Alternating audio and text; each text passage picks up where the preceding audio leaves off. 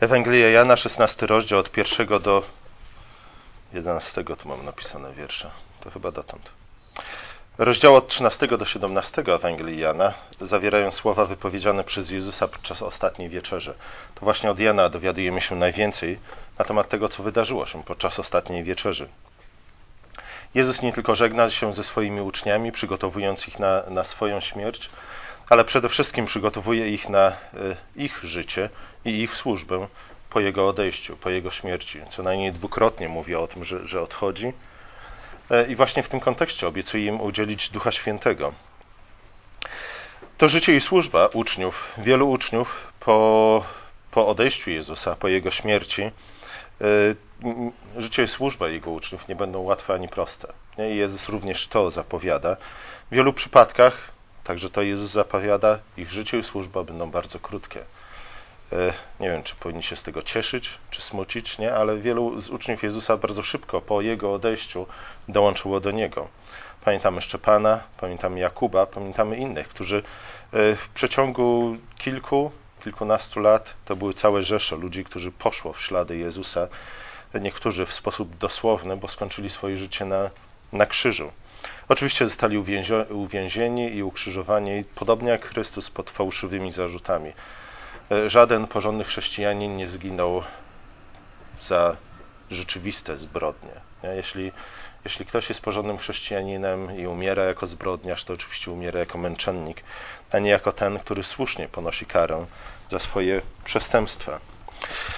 E, tego oczywiście zgodnie ze słowami Jezusa uczniowie powinni się spodziewać, nie? Że, że e, śmierć i zmartwychwstanie Chrystusa, także Jego w niebo wstąpienie, e, fakt, że Chrystus zasiada na, na tronie w niebie, w niebie, po prawicy Ojca, fakt, że, że rządzi na ziemi, tak jak rządzi w niebie, e, nie, nie, nie oznaczał dla uczniów tego, dla uczniów tego że, że od tej pory ich życie będzie łatwe i proste. Nie?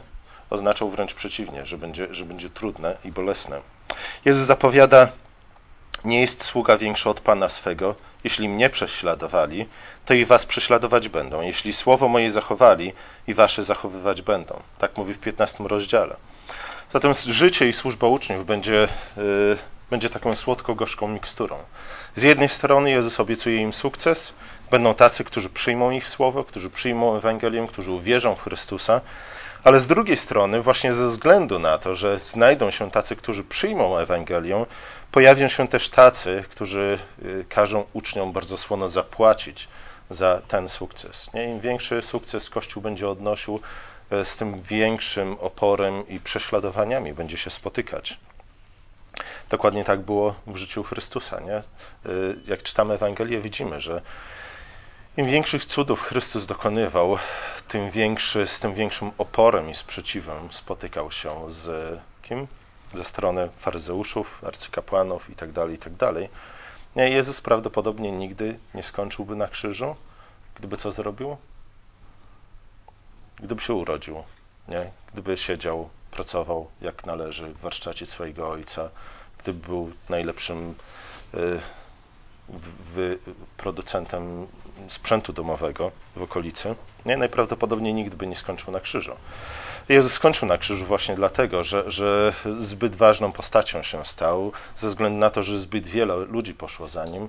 E, jak czytamy w, w Ewangelii Jana, tym ostatecznym impulsem do zamordowania Chrystusa było, było e, stwierdzenie, to miało miejsce po czy też w czasie triumfalnego wjazdu Chrystusa do, do Jerozolimy, w którymś momencie faryzeusze stwierdzili, że cały świat poszedł za Chrystusem. Nie? I właśnie to był ten moment, w którym zaczęli działać, bardzo szybko działać i bardzo zdecydowanie działać, by, by skończyć to, by nie dopuścić do tego, iżby ten świat rzeczywiście poszedł w całości za Chrystusem. Tak będzie także w życiu uczniów, tak będzie także w życiu, w życiu Kościoła. Jeśli nie chcecie być prześladowani ze względu na waszą wiarę, zatrzymajcie tę wiarę dla siebie. Jeśli nie chcecie ponieść konsekwencji bycia chrześcijanami, bądźcie chrześcijanami jak najlepszymi, nie? ale tylko i wyłącznie we własnym sercu. E, już nie próbujcie być dobrymi chrześcijanami w, w waszym domu, nie? bo dzieci niestety wyniosą to wasze chrześcijaństwo na zewnątrz i prędzej czy później świat pozna, że niestety traktujecie swoje chrześcijaństwo zbyt poważnie. Jak dowiadujemy się z 16 rozdziału, prześladowcami Chrystusa i Kościoła byli w pierwszej kolejności Żydzi. Nie? Zaraz oczywiście redaktor Lis napiętnuje nas w następnym numerze Newsweeka. Czy gdzie on teraz, dla kogo on teraz pracuje? Już mi się pomyliło, pomieszało. Y, nie? Y, doszukując się jakichś tutaj wątków antysemickich w naszym nauczaniu. Trudno, nie? Y, prędzej czy później, jak tak dalej pójdzie w naszym kraju, też cała Ewangelia Jana będzie księgą zakazaną na indeksie. Oczywiście to tylko zły Kościół tworzył indeksy zakazanych ksiąg, nie? ale jeśli, jeśli nasza władza zacznie tworzyć indeksy zakazanych ksiąg, to oczywiście w celach szczytnych i zgodnie z prawdą. E, oczywiście, gdy mówimy o Żydach, to musimy pamiętać o tym, iż, iż Żydzi, o których ciągle mówi Jan w swojej Ewangelii, gdy mówi o Żydach e, w sensie negatywnym, to oczywiście ma na myśli tych, którzy odrzucili Chrystusa. Nie? I oczywiście musimy pamiętać kontekst, w jakim to się wydarzyło. Trudno nazwać dobrymi ludzi, którzy ukrzyżowali Chrystusa, czyż nie? nie? Y, możemy udawać, że, że, że kochamy wszystkich ludzi, możemy tutaj rozpętać wojnę miłości, nie? zabić ludziom, ludzi miłością, ale, ale trudno zaprzeczyć temu, że, że ludzie, którzy zabili Chrystusa, byli źli. Zgadza się? Czy byli to dobrze, tylko głupi? Nie, ale pismo mówi, że, że bycie głupim, byciu głupim też jest coś złego. Nie? To, że ktoś jest głupi, nie, nie, nie, nie czyni człowieka sprawiedliwego, to, że ktoś jest głupi, nie czyni go niewinnym. Nie? Gdyby rzeczywiście głupota nas uniewinniała, Chrystus nie musiałby umierać za nasze grzechy, zgadza się? Bo wszyscy jesteśmy głupi. Pismo mówi o tym, że, że kto mówi, kto sprzeciwia się Bogu, kto buntuje się przeciwko Bogu, jest głupi. Nie? Więc, więc jeśli głupota by nas usprawiedliwiała, jeśli głupota miała być dla nas y, zbawieniem zamiast krzyża, nie, to oczywiście automatycznie, z racji tego, że jesteśmy głupimi grzesznikami, bylibyśmy od razu zbawieni. Nie, Ewangelia wyraźnie i ewidentnie, i nawet w tym fragmencie, jeśli dobrze się wsłuchaliście w niego, mówi o tym, że, że ludzie, którzy to nie chodzi o to, iż każdy człowiek, który nie wierzy w Chrystusa, jest, jest równie zły jak Żydzi, o których mówi Jan w swojej Ewangelii. Nie? Pismo wyraźnie mówi o tym, że Bóg sądzi każdego człowieka według tego, co mu, co mu udzielił, według objawienia, które do niego dotarło, e, według miary darów, którymi został obdarzony. Dlatego Paweł na przykład w pierwszym rozdziale listu do Rzymian stwierdza, iż Adam i Ewa byli, e, nie mieli żadnej wymówki przed Bogiem, nie? gdy się przeciwko Bogu e, zbuntowali, gdy, gdy nie okazali Mu wdzięczności, ze względu na to, iż dla nich było to rzeczą oczywistą. Nie tylko to, iż Bóg istnieje, ale też to, że jest Bogiem dobrym i winni Mu są wdzięczność i, i uwielbienie. Żydzi, o których czytamy w Ewangelii Jana, są właśnie takimi ludźmi, nie? którzy w stopniu o wiele większym niż Adam i Ewa otrzymali Bożych darów, y, do których y, Ewangelia dotarła, czy też Słowo Boże dotarło w sposób jasny i oczywisty, y, mieli ze sobą 2000, 2000 lat historii tradycji. Każdej soboty w ich synagogach było czytane słowo. Chrystus mówi: Słuchajcie, nie, to, to, że wy we mnie nie rozpoznaliście Mesjasza, na którego rzekomo oczekujecie, nie, nie stało się dlatego, że brakuje wam informacji. Nie stało się dlatego, że, że moja tożsamość jest dla was zbyt ukryta. Nie? Odrzucacie mnie dlatego, że jesteście ludźmi złymi. Odrzucacie mnie dlatego, że pod płaszczem pobożności i sprawiedliwości tak naprawdę kryje się zepsucie i grzech i samo zło. Dlatego przyrównał ich do, do grobów pobielanych, czy pobielanych grobów. Nie? z zewnątrz wszystko jest ładne i piękne, ale w środku jest zepsucie i ohyda.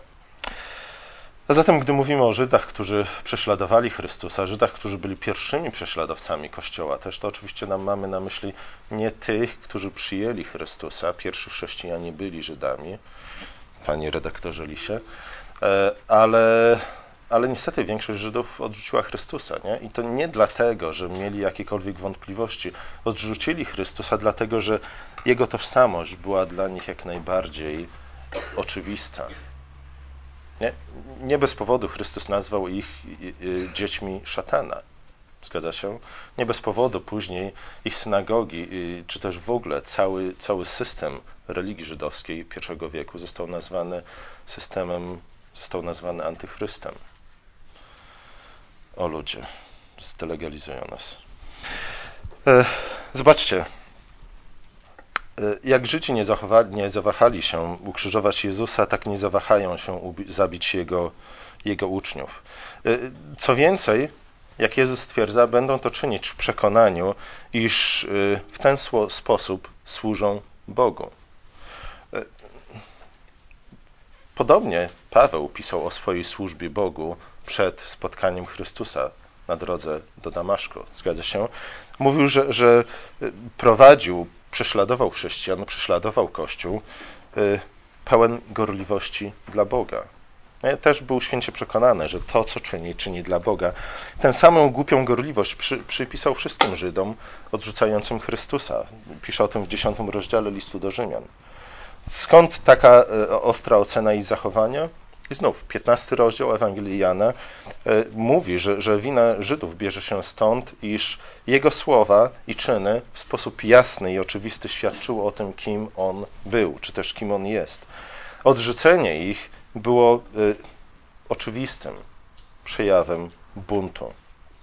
Jezus mówi: Gdybym nie przyszedł i do nich nie mówił, nie mieliby grzechu lecz teraz nie mają wymówku, wymówki z powodu grzechu Jego. Nie? Spotkanie z Jezusem jest zawsze niebezpieczne. Nie? Także kiedy komuś chcecie zwiastować Ewangelię, komuś, kto nigdy nie słyszał o Chrystusie, nie? To, to pamiętajcie o tym, nie? Że, że y, stawiacie tę osobę y, w wielkim niebezpieczeństwie. Nie? Sprawiacie, że, że ta osoba nagle w jej, w jej życiu pojawia się straszne, wielkie niebezpieczeństwo, wielkie ryzyko. E, dobrze, jeśli się nawróci, dobrze, jeśli przyjmie Ewangelię, ale jeśli, jeśli ją odrzuci, stanie się jeszcze bardziej winna w oczach Boga, niż gdyby nigdy nie słyszała Ewangelii. Tak to funkcjonuje, niestety. E, Jezus uprzedza uczniów o tym, mówi o, o, o tym, co ich spotka. Nie mówi o tym, że zostaną potraktowani przez ludzi tak, jak on został potraktowany. E, Mówi, że zostaną nazwani złymi, dlatego że są dobrymi, bezbożnymi, dlatego że wiernie służą Bogu. E, mówi o tym, im o tym wszystkim zawczasu, aby gdy to przyjdzie na nich, nie zgorszyli się. I teraz, co to znaczy się nie zgorszyli? Oznacza to po prostu nie upadli w wierze. Nie, żeby się przypadkiem nie okazało, że kiedy ludzie będą traktować ich tak, jak potraktowali Chrystusa, kiedy zostaną zdradzeni, fałszywie oskarżeni, pohańbieni, straceni, e, żeby nie zwątpili w tym momencie. To rzeczywiście prawdziwie służą Bogu i czynią to, to, to wiernie. Łatwo jest wierzyć, łatwo jest służyć Bogu, kiedy nasze życie jest pasmem nieustających sukcesów. Zgadza się? Nie? Wtedy te nasze sukcesy traktujemy jako potwierdzenie tego, że Bóg jest z nami. Jeśli Bóg z nami, któż przeciwko nam? E, łatwo jest zwątpić w to, że Bóg jest z nami, kiedy ludzie odpłacają nam złem za dobro, nienawiścią za miłość, krzywdą za przysługę, kiedy przypisują nam najgorsze motywacje, kiedy odsądzają nas od czci, czci i wiary. Nie dokładnie tak, jak uczynili to trzej przyjaciele Hioba. Nie? Łatwo jest zwątpić w takiej sytuacji, kiedy ludzie wokół ciebie nagle odwracają się od ciebie i zaczynają e, wymawiać tobie, że, że jesteś największym grzesznikiem na świecie. Nie? I jako dowód tego mówią: Zobacz, nie? co Bóg czyni w Twoim życiu. Tak, niestety często się dzieje i choć oczywiście wszyscy czytaliśmy Księgę Hioba, to jednak trudno jest nam uwierzyć w to, że, że spotykają nas złe rzeczy, dlatego że jesteśmy dobrymi ludźmi. Nie, ale Jezus mówi, słuchajcie, dlatego właśnie spotkają was złe rzeczy, bo jesteście dobrymi ludźmi. Jeśli nie chcecie, żeby was spotykały złe rzeczy, bądźcie złymi ludźmi.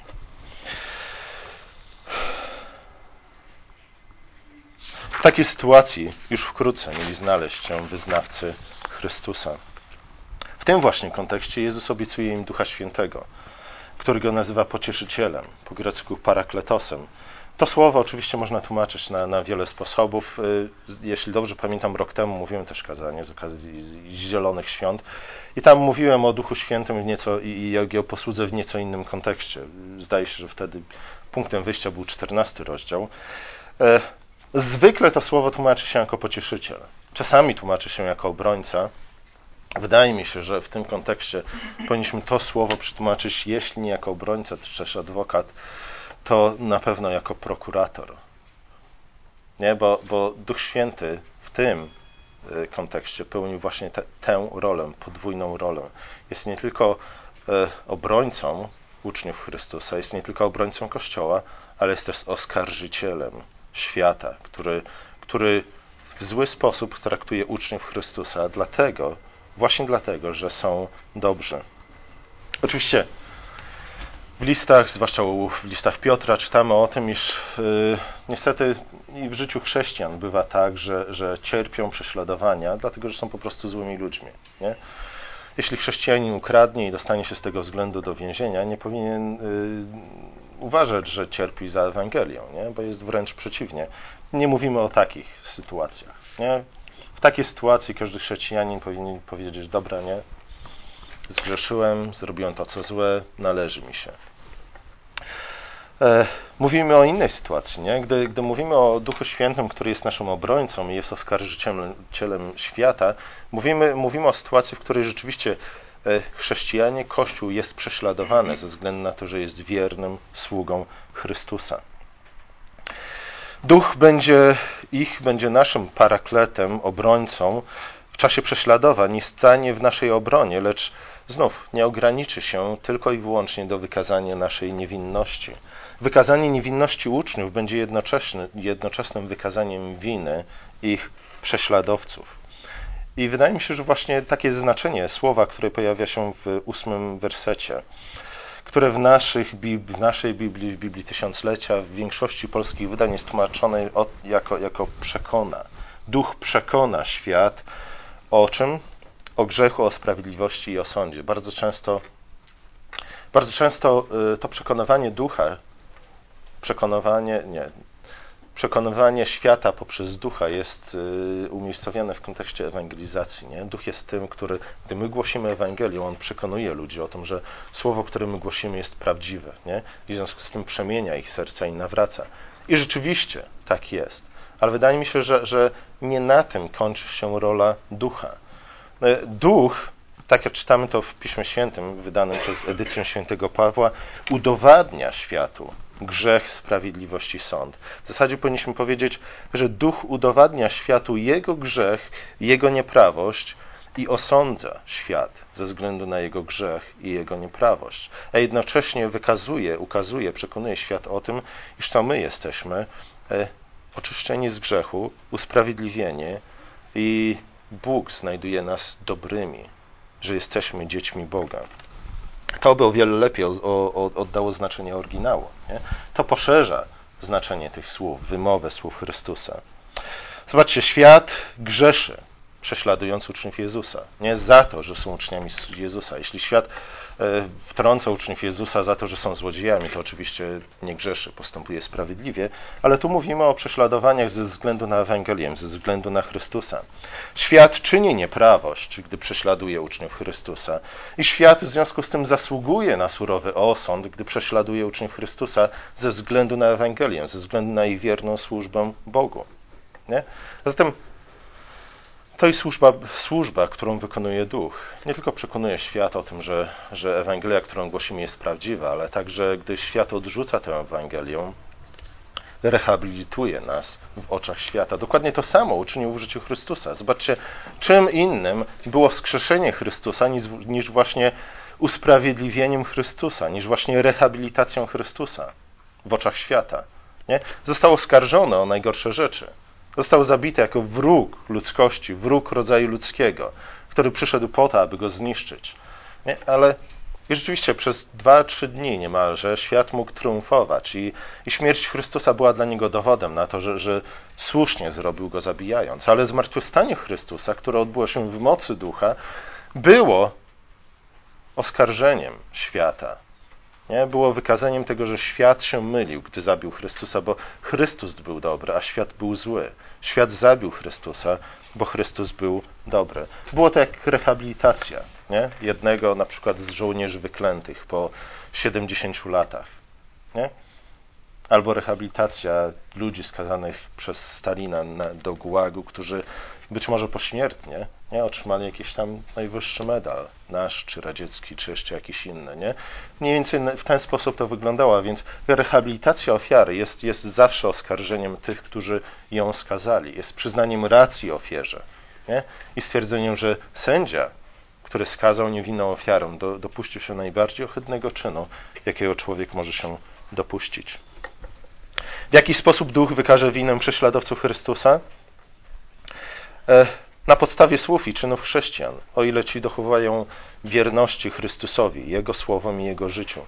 Jeśli uczniowie głosić będą prawdę, okazywać miłość, wtedy wina ich prześladowców będzie oczywista. Widzicie, zabicie niewinnej osoby w majestacie prawa e, zawsze świadczy o nikczemności tego, który ją skazał, który dokonał, e, wykonał ten wyrok. Nie? Zawsze w sposób oczywisty świadczy o hipokryzji przedstawicieli prawa.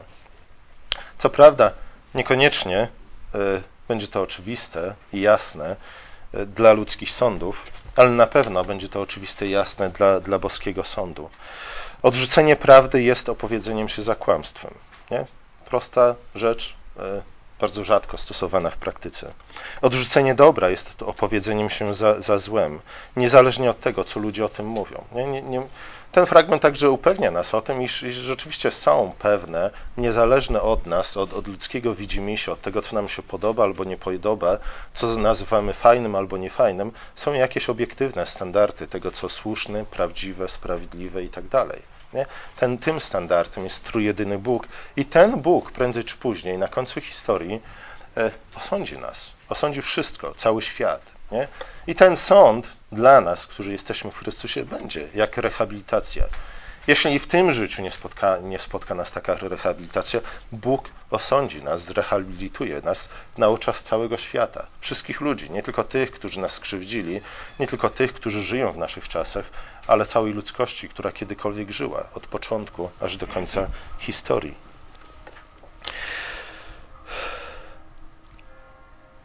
Opatrzność zadba o to, nie? By, by historia w końcu pokazała, kto ma rację. Ojej, nie? boimy się takich słów, boimy się. Zawsze często powtarzamy o tym, iż, iż w dyskusji nie chodzi o to, żeby wykazać swoją rację, ale chodzi o to, żeby zdobyć drugą stronę. Nic bardziej błędnego. Nie? Bo, bo, jeśli nie wykażesz żadnej racji, jeśli zrezygnujesz ze swojej racji po to, żeby zdobyć drugą stronę, do czego ją zdobyłeś? Nie? Czemu ma służyć jej zdobycie? Oprócz tego, żeby mieć, nie wiem, kolejnego kolegę, przyjaciela na Facebooku? No, rezygnowanie z racji po to, żeby zrobić drugą stronę, nie ma z Ewangelią zbyt wiele, wiele wspólnego. Nie, oczywiście możemy, możemy spróbować przymusić ludzi do przyjęcia naszej racji. Nie? To, to czynili wszyscy tyrani w całej historii ludzkości. Nas tak przekonywano do racji socjalizmu i komunizmu, nie? W szkołach państwowych w czasach PRL-u. Teraz do czego innego się przekonuje dzieci w szkołach państwowych. Nie, ale oczywiście nie o to chodzi, nie? Nie chodzi o, o narzucanie ludziom siłą naszych poglądów, ale zawsze, gdy z kimkolwiek dyskutujemy, musimy pamiętać o tym, że, że jest jakaś racja, nie? o którą warto zabiegać. Bo jeśli zrezygnujemy z wszelkich racji, to po co o cokolwiek zabiegać? A zatem Duch Święty miał wykazać winę świata odrzucającego Chrystusa na, na kilka bardzo konkretnych sposobów. Pierwszym było wzbudzenie Chrystusa z martwych, przez co Duch, jak mówiłem, udowodnił wszemi wobec, że Chrystus był tym, za kogo rzeczywiście się podawał. Drugim było y, wydarzenie towarzyszące zesłaniu Ducha Świętego, a zwłaszcza dar języków. Jak zapowiedział Izajasz, jak wyłożył to, jak napisał to Paweł w drugim liście, nie, w pierwszym liście do Koryntian, dar języków był znakiem Bożego Sądu nad niewiernym Izraelem, który nie chciał słuchać, gdy Bóg przemawiał do niego w jego własnym języku, który nie chciał słuchać, gdy Bóg stał się jednym z nich, jednym z Żydów, po to, aby, aby właśnie im w pierwszej kolejności głosić Ewangelię, nie chcieli tego. Nie chcieli, by Bóg przemawiał do nich po hebrajsku, czy aramejsku, nie, nie chcieli, by Bóg stał się jednym z nich i w ten sposób do nich przemówił. Dlatego Bóg zwrócił się do pogan i przemówił w ich językach. Nie? To był znak sądu zapowiedziany już przez, przez Izajasza, znak bliskiego końca zbuntowanego Izraela. Kolejnym, o tym więcej będziemy dzisiaj jeszcze mówić na katechezie, nie? zgodnie z obietnicą. Kolejnym sposobem były cudowne znaki towarzyszące apostołom, które, jak powiedział Jezus w 14 rozdziale Ewangelii Jana, e, będą przewyższać nawet znaki i cuda czynione przez Jezusa Chrystusa. Nie cuda, których czynili apostołowie, które czynili apostołowie, były, były większymi, cudowniejszymi cudami niż cuda dokonywane przez Jezusa. W końcu duch sprawił, że zwiastowanie apostołów spotkało się z pozytywnymi reakcjami w wielu zakątkach Imperium Rzymskiego, a Paweł głosił Ewangelię i to z dobrym skutkiem nawet w pałacu cesarskim.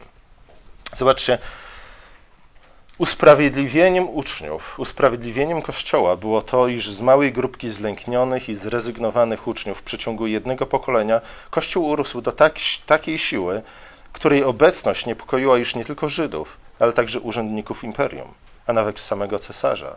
W świetle tego spalenie Rzymu przez Nerona i obwinienie za to chrześcijan oczywiście nie było przyjemne dla oskarżonych, niemniej jednak na pewno dowodziło ich racji i było znakiem ich sukcesu. Nie? To była cena, którą chrześcijanie musieli zapłacić za swój sukces w głoszeniu Ewangelii i w budowaniu kościoła, w zakładaniu nowych zborów. Nie? Może dlatego tak mało chrześcijan dzisiaj zakłada nowe zbory, bo nie chcą, by jakiś nowy Neron zrobił z nimi to samo, co zrobił tamten Neron. Pozostaje zapytać, w jaki sposób duch w naszych czasach wspiera y, świadectwo Kościoła. Nie? Pewnie chcielibyście, żebym skończył, ale nie mogę skończyć, dlatego że pozostaniecie w y, niewiedzy. Wiele osób oczekuje, iż duch będzie działać w naszych czasach dokładnie tak, jak działał w czasach apostołów. Zgadza się? Nie, to, jak bardzo popularna jest ta idea, o tym świadczy, świadczy to, iż najwięcej spośród ewangelikalnych czy ewangelicznych kościołów w Polsce to są kościoły właśnie charyzmatyczne, które dokładnie w to wierzą. Nie? Iż duch będzie działać, działa w naszym życiu, w naszych czasach dokładnie tak, jak działał w czasach apostołów. Ba! Nie? Oczywiście, że działa tak jak w czasach apostołów, bo do tej pory namaszcza apostołów. Takie oczekiwanie jednak jest nieuzasadnione i to co najmniej z dwóch powodów. Wynika znów z błędnej interpretacji pisma, z nieznajomości pisma. E, choćby, choćby z tego, że, że nawet jeśli czytamy Stary Testament, to bardzo często przeciwstawiamy go Nowemu Testamentowi. Dzisiaj Dobrosława powiedziała na temat tłumaczenia Pisma Świętego, mm, wydane przez świętego Pawła, czy edycję świętego Pawła, ale muszę też dla równowagi coś złego powiedzieć o nich. Wczoraj czytałem jeden z psalmów, w których Dawid e, prosi Boga o to, żeby zabił jego przeciwników nie? i w ten sposób przyniósł mu ulgę. I w przypisach, w komentarzach do, do tego psalmu jest napisane, no tak, w Starym Testamencie Bóg jeszcze nie dał im przykazania miłości nieprzyjaciół. Nie? Jest nagrywane, więc nie będę mówił, co słyszą o tym, ale jak skończymy, to wam powiem, jak dzieci wyjdą. Nie, no, totalny absurd, totalne niezrozumienie, nie? Przykład właśnie przeciwstawiania Nowego Testamentowi, czy też Nowego Przymierza Staremu Przymierzu. Tak jakby nigdy nie czytali Nowego Testamentu, nie? Kazanie na górze, gdzie, gdzie Jezus odnosi się do tej kwestii i ją, ją w sposób oczywisty wyjaśnia. Dobra. Po pierwsze, to błędne założenie, iż duch będzie działać w naszym życiu, w naszych czasach tak, jak działał w tamtych czasach, opiera się na, na to przekonanie opiera się po pierwsze na założeniu, że, że Bóg zawsze działa w ten sam sposób. Nie? We wszystkich czasach Bóg działa dokładnie w ten sam sposób. Ale zobaczcie, już nawet powierzchowna lektura Pisma Świętego, ale znów lektura tak, jakbyśmy podeszli do normalnej książki, nie? więc od pierwszej do ostatniej strony, a nie od przedostatniego rozdziału. Yy, lektura Pisma Świętego od pierwszej do ostatniej strony, nawet pobieżna, pokaże nam, że Bóg nie działa zawsze w ten sam sposób. To nie znaczy, że nie może. Nie? Bóg jest wszechmocny, może. Oczywiście, że może, ale nie działa i to z konkretnego powodu. Bóg inaczej działał w czasach Abrahama, a inaczej działał w czasach sędziów, zgadza się? Inaczej jeszcze działał w czasach Mojżesza, inaczej działał w czasach Eliasza i Elizeusza, inaczej działał w czasach królów, inaczej działał w czasach wygnania, inaczej jeszcze w czasach Jezusa. Nie? Bóg inaczej traktował działał w życiu Izraela, gdy byli na pustyni. Karmił ich. Nie? I sprawił, że przez 40 lat nie musieli sobie kupować nowych butów. Zgadza się? Ale w dniu, gdy przeszli przez Jordan, co się okazało? Musieli pójść do pracy. Bóg przestał ich karmić i musieli sobie kupować co roku nową parę butów albo sandałów. Zgadza się? Nie? Dlaczego? Dlatego, że Bóg po prostu prowadzi nas ku dojrzałości. Na pustyni byliśmy dziećmi. Później, gdy weszliśmy do ziemi obiecanej, staliśmy się już może nie ludźmi całkiem dorosłymi, nie, ale ludźmi, którzy powinni w którymś momencie pójść na swoje, zacząć yy, przestać żyć z tego, co do domu przyniesie tata i mama, a zacząć z, tym, z tego, żyć z tego, co, co sami zaczniemy sobie robić, zarabiać, kupować i tak dalej, i tak. Nie? To oczywiście ta, ta zmiana sposobu Bożego działania w historii Izraela wynika właśnie z tego, iż Bóg prowadzi swój lud, tak jak Bóg prowadzi każdego z nas, tak jak my prowadzimy nasze dzieci, nie? ku dojrzałości. Inaczej traktujemy dziecko, które ma rok, inaczej dziecko, które ma 10 lat, inaczej dziecko, które ma 20 lat, nie? inaczej dziecko, które ma 40 lat, a inaczej dziecko, które ma 60 lat. Zgadza się? Zły rodzic traktuje każde dziecko w każdym wieku w ten sam sposób. Nie? Dlatego, że taki rodzic nie prowadzi dziecka ku samodzielności. I gdyby oczekiwanie od Boga tego, że On zawsze y, będzie działał w ten sam sposób, jest oczekiwaniem tego, że Bóg zawsze będzie traktował nas jak dzieci. Nie? I w pewnym sensie to było fajne, nie? Zobaczcie, dlatego w dzisiejszych czasach mamy coraz więcej panów i panien, którzy żyją z rodzicami. Nie, nie, nie, niekoniecznie dlatego, że co? Że wynajęcie własnego mieszkania jest kosztowne, ale przeważnie dlatego, że po prostu to jest wygodniejsze. Nie? Z jednej strony chcemy cieszyć się niezależnością związaną z dorosłością, ale z drugiej strony nie chcemy ponosić kosztów związanych z byciem dorosłym i samodzielnym. Bóg nie chce, żebyśmy wyrośli na takich właśnie dorosłych, na takie dorosłe, czy też zdzieciniałych staruchów. Nie, nie chcę, żebyśmy tak, takim byli. Chcę, żebyśmy byli prawdziwie dorośli w Chrystusie, tak jak Chrystus był dorosły. Kiedy weszli do ziemi obiecanej, Bóg przestał ich zaopatrować w ten cudowny sposób, ale zamiast tego, co zaczął czynić? Zaczął błogosławić ich pracę. Nie? Zaczął działać w ich życiu w inny sposób. Nie? Że, że ten nowy sposób Bożego działania rzeczywiście dla Izraelitów, nie wszystkich, ale tych, którzy zrozumieli o co chodzi, przyniósł większą radość niż życie na pustyni. Nie? E, dlaczego? Dlatego, że, że większą radością je, niż, niż dostać coś, prezencie jest zapracować na to i kupić sobie to. To brzmi trochę egoistycznie, nie? Ale, ale tak rzeczywiście jest. Po części powinniśmy być egoistami. To przynosi nam większą radość, nie? I to jest przejawem prawdziwej dojrzałości. Nie, że dostajemy prezenty. Zobaczcie, tak żyją dzieci, nie? Non-stop dostajemy prezenty od kogoś. E, ale prawdziwie dumnymi możemy być z siebie, gdy, gdy zarobimy na swój pierwszy komputer albo przynajmniej gdy odłożymy pieniądze na swój pierwszy komputer, a nie gdy dostaniemy kolejny komputer w prezencie od naszych rodziców. I znów wiele przykładów można by podawać, ale, ale nie będę dzisiaj.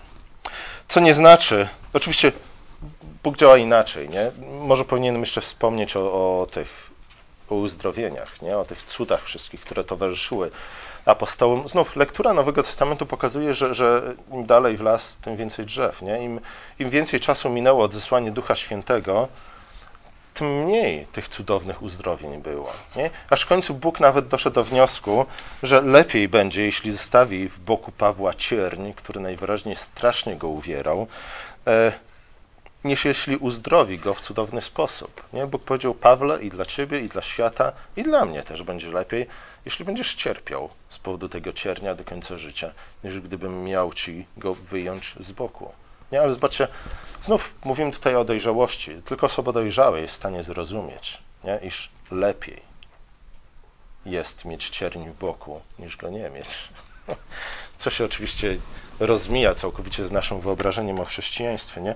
Lepiej dla Jakuba było, gdy miał przetrącone biodro, był kulawy i kusztykał, niż gdyby był zdrowy i mógł skakać i biegać za owcami. Nie? To coś zmieniło w jego życiu. To nie było tylko znakiem tego, co wcześniej Bóg dokonał w jego życiu, ale to coś zmieniło w jego życiu i sprawiło, że, że Jakub rzeczywiście stał się prawdziwym królem, a nawet prorokiem. Ale o tym więcej też na katechezie.